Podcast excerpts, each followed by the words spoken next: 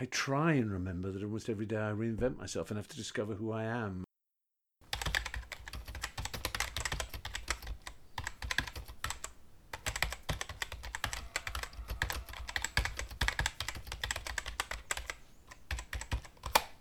Du hører på en helt spesiell episode av Portrettpodden. Med meg, Mats Lasse Jangås. Og min gjest i denne episoden er ingen andre enn selveste Stephen Fry. Fry er kjent for mange via programmer som QI, Blackadder, A Bit of Fry and Laurie, for ikke å nevne alt han har gjort som forfatter, manusforfatter, regissør, og det viktige arbeidet han har gjort for å rette et søkelys mot og bekjempe tabu knytta til mental helse. Han er virkelig en mann som ikke later til å sitte stille. Som alltid har nye prosjekter på gang, og som hele tida er på søken etter ny kunnskap og nye erfaringer. I løpet av en drøyt 20 minutter lang samtale prater vi om myter og helter, vår felles lidenskap og kjærlighet til språk, om Oscar Wilde og mye mer. Jeg er utrolig ydmyk og takknemlig for at han takka ja til å være gjest i podkasten min, noe jeg aldri hadde trodd kom til å skje. Det beviser bare at om man har en drøm og er villig til å jobbe for det, så kan hva som helst være mulig. Så len deg godt tilbake. Lukk øynene om, om du vil.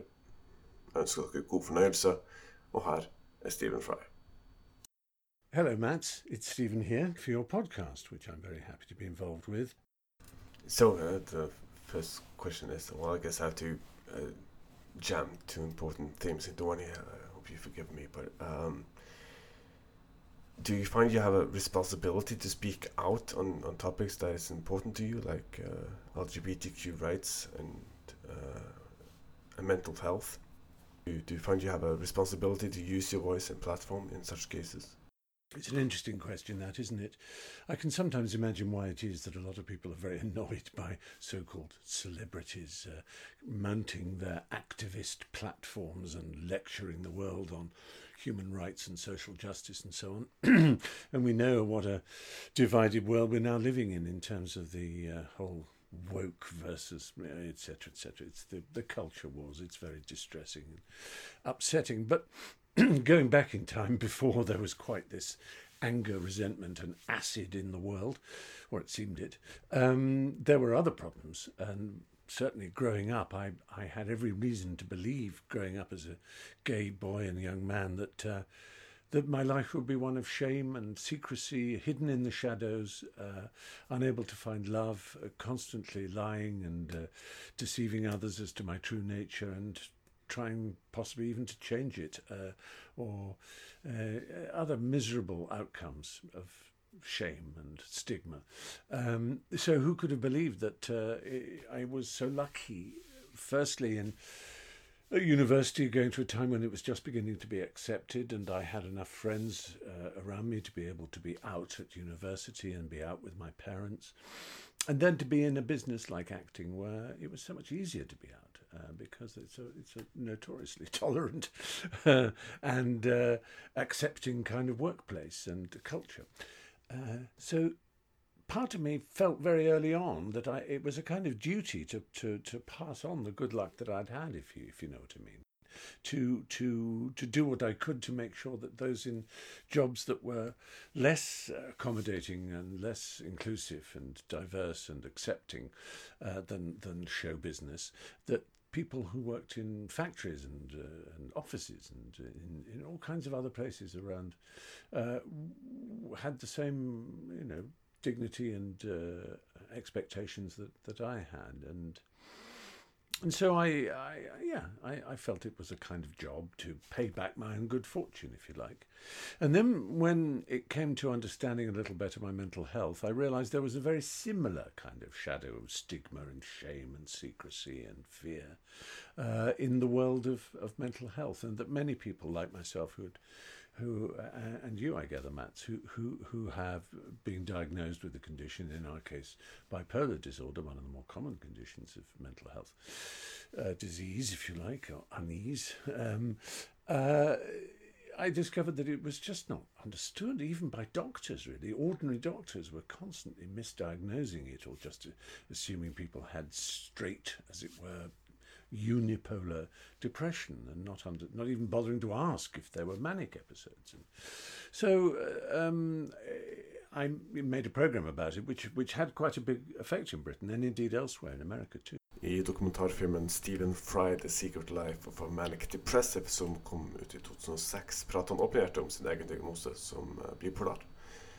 Og hvordan utfordringer det har gitt han i sin karriere og privatliv. Og den åpenheten, den, den uh, måten å direkte prate om det på, har, har hatt stor effekt på ikke bare England, men også USA og andre deler av verden i å uh, rette søkelys mot mental helse og det å, og det å bryte ned en del tabu. It, it, had an effect because no one had really talked about it with quite such uh, openness, I think, and such avid curiosity, which is what I had.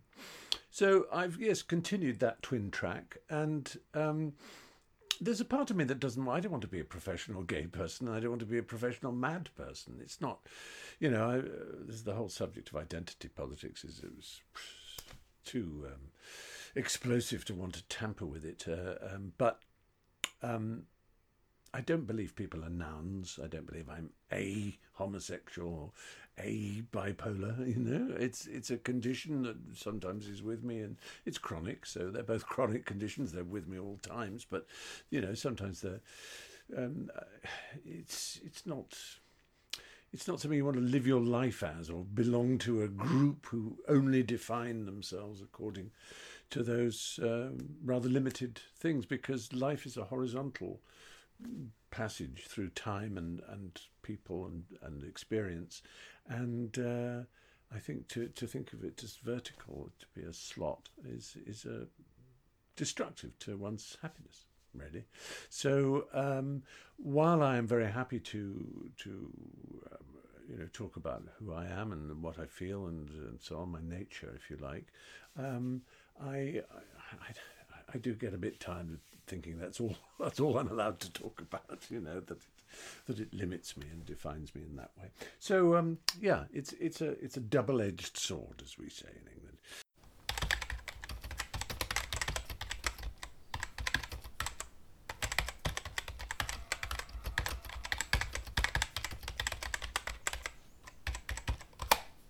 Oscar Wilde has been a leading star and a great contributor to being where you are today, along with Wodehouse and Waugh. What has Mr. Wilde in particular meant to you well, certainly when I was growing up and I discovered uh, discovered him, it was through language, and and I mustn't ever underestimate that. Of course, sexuality is important, and art and literature and uh, thought are incredibly important, but uh, language is perhaps the most important thing of them all to me. Uh, it's the thing that stitches everything else together. I'm not even sure, and I say this as my half joking. Um, Twitter biog. Uh, how can I tell you what I think until I've heard what I'm going to say? Um, I do believe that language is the, the parent of thought and that uh, one's language is deeply important and that it's not just important as an idea, as a structure, as a, as a human enterprise and invention or evolved faculty, but it's also important as an art, as a it's a beautiful thing. Everybody has it, you know, with the odd outlying exceptions, just as everybody can walk and run, but obviously there are people without limbs and there are people also with language dysfunction. But generally speaking, you know, the, the vast majority of people have language as a free gift. Det er mange forfattere som opp gjennom årene har forma Stephen til den ordsmeden han er i dag. Men en av dem som har betydd mest for han, er den irske dramatikeren og forfatteren Oscar Wilde. It was when I was a small boy and I was watching television and, and, and I just saw this film and, and I heard people talking in a way that I'd never heard before in my life. Um, I hope I will not offend you if I say that you seem to me to be in every way the visible personification of absolute perfection, one character said.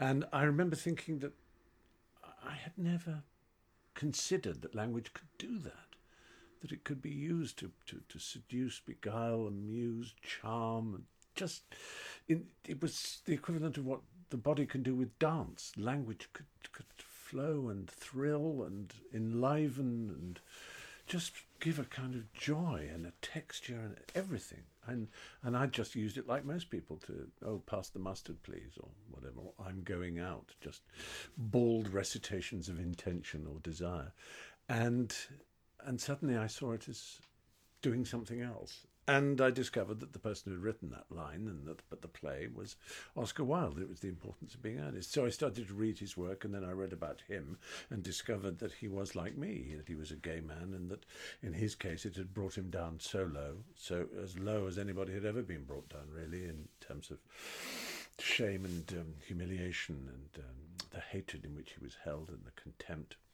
It was a complete fall from such a dazzling height. And so it was a deep warning to me. But also, I realized that despite his astounding intellect, incredible insight and knowledge, his broad reading, and his really, really deep uh, understanding of so much of cultural and artistic trends and philosophical thought and political thought too. Uh, despite all that, what was so noticeable about him was his his warmth and his generosity and his his high doctrine of friendship and and of, of other people. Um, he was a flawed man, of course he was. And uh, towards the end, the drink and the uh, absinthe, you know, and everything got to him, and uh, he probably could be a bit uh, bit of a mess by the end. There's no doubt about it, really. But but for all that, uh, the beauty of his mind and of his intent and of of who he was, I think, was a great influence on me, and um, he speaks to us still. I think. So he's, yeah, very important. As Wilde said, we're all in the gutter, but some of us are looking at the stars. You previously spoken about your Cambridge days and your time at the Footlights with Hugh Laurie and Emma Thompson, among others. You've also said that many of your heroes were alumni. Uh, who has been the greatest source of inspiration in your personal and or in your professional life? And how has, has their inspiration formed the choices you've made or your outlook on life? Well, it's very hard to say. I mean, I'm. I, everybody's supposed to have someone about whom they can say that. It's usually a great mixture. Obviously, Oscar Wilde, I've talked about, was was heroic to me, and over the years, I I, I, valued enormous variety of writers and thinkers, and uh, as well as people I actually knew, friends, and so. Um, I think uh, E.M. Forster was hugely important to me when I was a teenager, and I still value him immensely.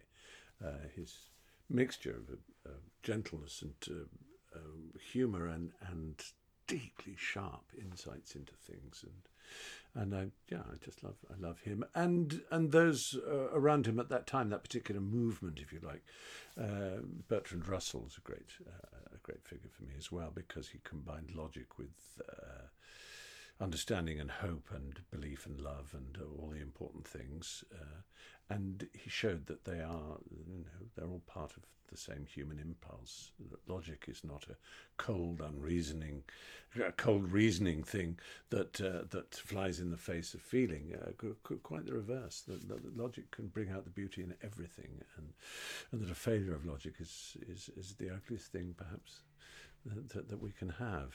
Um, so seeing things as they are, characters who see things as they are, and, and certainly Russell had a, a, fantastically clear vision of, and artists do, you know, they see the real colour of things, and thinkers see the real colour of, of, feeling and of uh, history and of uh, human in the human experiment, generally speaking. Um, so uh, yeah, I mean, there. But then you know, one is also inspired by just simple people one knows whose whose wisdom and whose kindness uh, um, are overwhelming, and uh, you know, you wouldn't know their names. Uh, so, and and I think um, there's a danger in our culture. Listen to that car there. I'm so sorry. There's a danger in our culture that we think everything is about, oh, what would you have learned when you were 14? What would you like to pass on to other people? What is your inspiration? That there is this hunger and thirst for uh, a technique and and I would throw all of that away. There there is no technique. There is no answer. There is no this is how you approach life. This is this is the secret. This is these are the authors you must read. This is the point of view that will lead to happiness. This is the answer. Anybody who who approaches life or life's problems in that way is doomed to disappointment, I believe. That that's not the way you approach it. You you, you rush into the the orchard, uh, the meadow of life, and there are all the trees and things, and you don't you know you don't sort of systematically think about how am I going to get the best out of this orchard. You rush around and find out and I think it's a you know it's a very American thing this self help and this belief in self coaching or inspiration. And I'm often asked to say who was my favorite teacher or who are my heroes? And what would I say to my 14 year old self? Who would I like to sit next to at a dinner party and and they all come from the same wrong place, I think. But it's not to blame you for the question. I can completely understand it, and of course, one is inspired by others to some extent. But um, I think one's more inspired by one's own failure, uh, uh or, or one's dreams, or uh, and and. I think to get hung up on, as I say, this idea that there are answers uh, out there is probably a mistake. That's my feeling.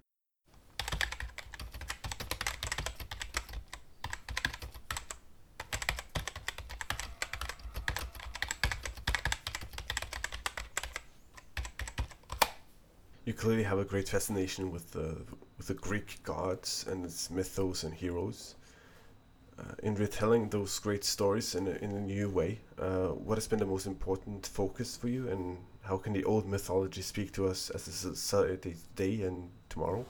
Again, it may be able to speak to us, but that's not the point of it. I think there's a great. Um, I suppose what I'm addressing is the the uh, the fallacy of usefulness. Um, uh, myths are they are uh, public dreams. They are they are what our ancestors dreamt. It's it's how they answered the questions of life, and um, that's what myths do. They answer the questions of life. They they turn questions into stories.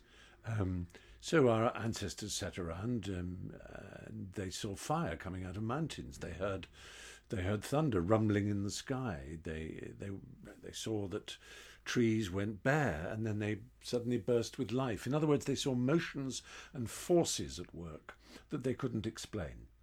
We now explain those forces um, using physics, uh, the, the, the, which is the, the science of explaining the forces around us.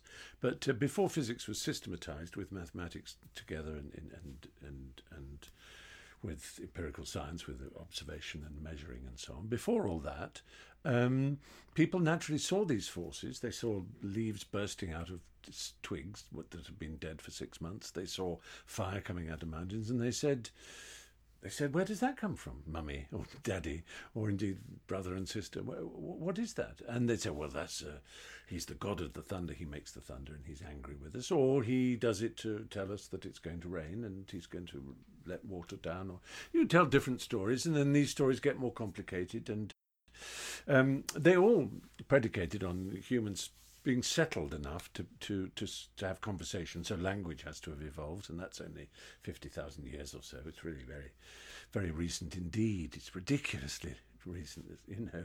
Um, uh, but once you can do that, once you can tell stories, once you can use the past, the present, and the future to plan and to to tell of identity and uh, and uh, to, to mark yourself out as, as as who you are and where you come from and what you might do tomorrow. Once you can do all that, you can tell these stories. And uh, it just so happens that the Greeks told them in a way that was particularly well timed for the invention of writing 5,000 years ago uh, so they could be written down and then slowly improved and given a kind of literary shape and a chronology and a timeline and all the rest of it, which makes Greek myth so particularly. Um, so particularly beguiling and appealing and and complete and it's astounding how you read Homer and uh, Hesiod and the other great poets of the time and how they all agree with each other. I mean, there are the uh, various the Eddas and so on of, of, of, of, Norse myth where you come from, Matt, and, and, and obviously they're wonderful too, but they don't have quite the same breadth, depth, and and uh, uh, chronology and genealogy and so on. Uh, that completeness. Um, and the Greek myths have wit and juice and humanity. They understand, I think, and it's so important that if there are gods, if if if the universe and and, and the the planet and the, the biosphere, whatever you want to call it, uh, on which our lives depend, if this world was was made by a divine being, then that divine being must be reflected in the world. And the world is beautiful, majestic, powerful, extraordinary, magical. So the gods must be that. But it's also deeply unfair and full of pain and misery and suffering and injustice. And so the gods must be like that too. They must be unfair and capricious and mean and unjust, um, as well as being majestic and noble. And I think that's the point. The Greeks understood that you can simultaneously have things that are one thing and another and the, the, sort of binary nonsense of a God that is only good and a, therefore a Manichaean opposite, a devil that's only bad, I find dull and not reflective of my experience of the world, I think, most importantly. Um, and, and that's why I, I have so much less interest in Manichaean religions of good and evil, and uh, in which they, this person is good and this person is bad, because it's not my experience.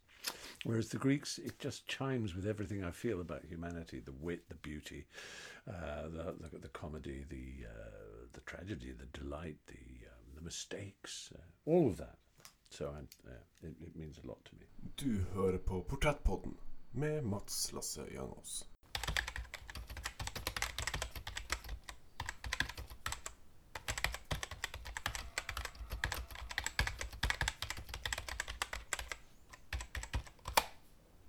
You have achieved so much in your career and rightly become a national treasure in the UK.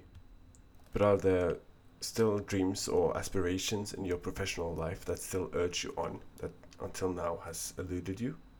Well, yes. I mean, of course, I, I, suppose every every time I do a new thing, I I'm very aware that it might fail and that I want it to succeed. I'm, I have been lucky, and you know, so I, you know, there are landmarks. Uh, it's a wonderful thing to have have a, had a book published, and I've now had so many published that I'm sort of used to it. It's a wonderful thing to direct a film or to, to act in a film and to have a lead role in a film sometimes, or to, uh, to have an important role in, in it, to, to be part of a TV show, to be part of theatre. And, and, and I have had all the good fortune to, to, to have experienced much of that. So if uh, I was given a death sentence tomorrow by a doctor because I had something deeply wrong with me, I would be upset, um, but I, I wouldn't be absolutely devastated. I wouldn't scream at the cosmos, but I have so much left undone. Of course, there are more things one would like to do, but I don't really know what they are. I, have I've never been a planner. I'm not systematic. Um, I uh, I try and remember that almost every day I reinvent myself and have to discover who I am.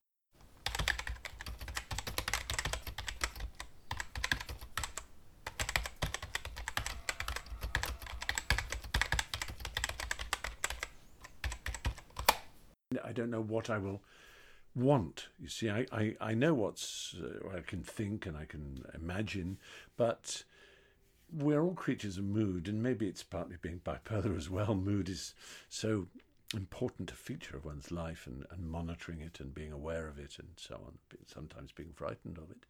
So I, I, I won't know how I will feel tomorrow. You see what I mean?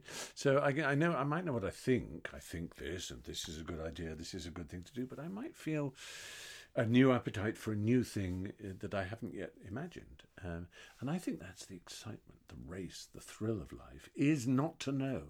It's the thing Oscar said, you know, that, that those people who know what they want to be in life, they want to be a judge or a soldier or a, a shopkeeper or a journalist or whatever, they, they invariably become it. That is their punishment he said. But those of us who live what he called the dynamic life or the artistic life, every day they have no idea who they are and what they want. It's a new discovery. And again, I think that's the fundamental thing about Oscar is that he is the patron saint of students and bohemians. And bohemians and students live in the same republic in which every day is an adventure and that you don't have a decided view on things. You haven't got a settled morality. Your morality is, is open and fluid and, and it responds to feeling and to ideas and to thinking. And um, you don't dare assume you know everything. That's my belief. Mats, it's been fun talking to you. I hope some of this has been uh, what you wanted. Good luck and all the best. Bye bye. Du har hørt en episode av Portrettpodden med meg, Mats Lasse Jangås. Og min gjest i denne episoden var selveste Stephen Fry.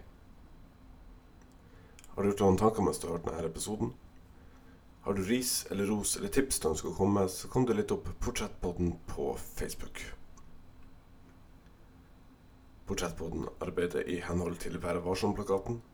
Takk for at nettopp du hørte på, og vi høres snart igjen.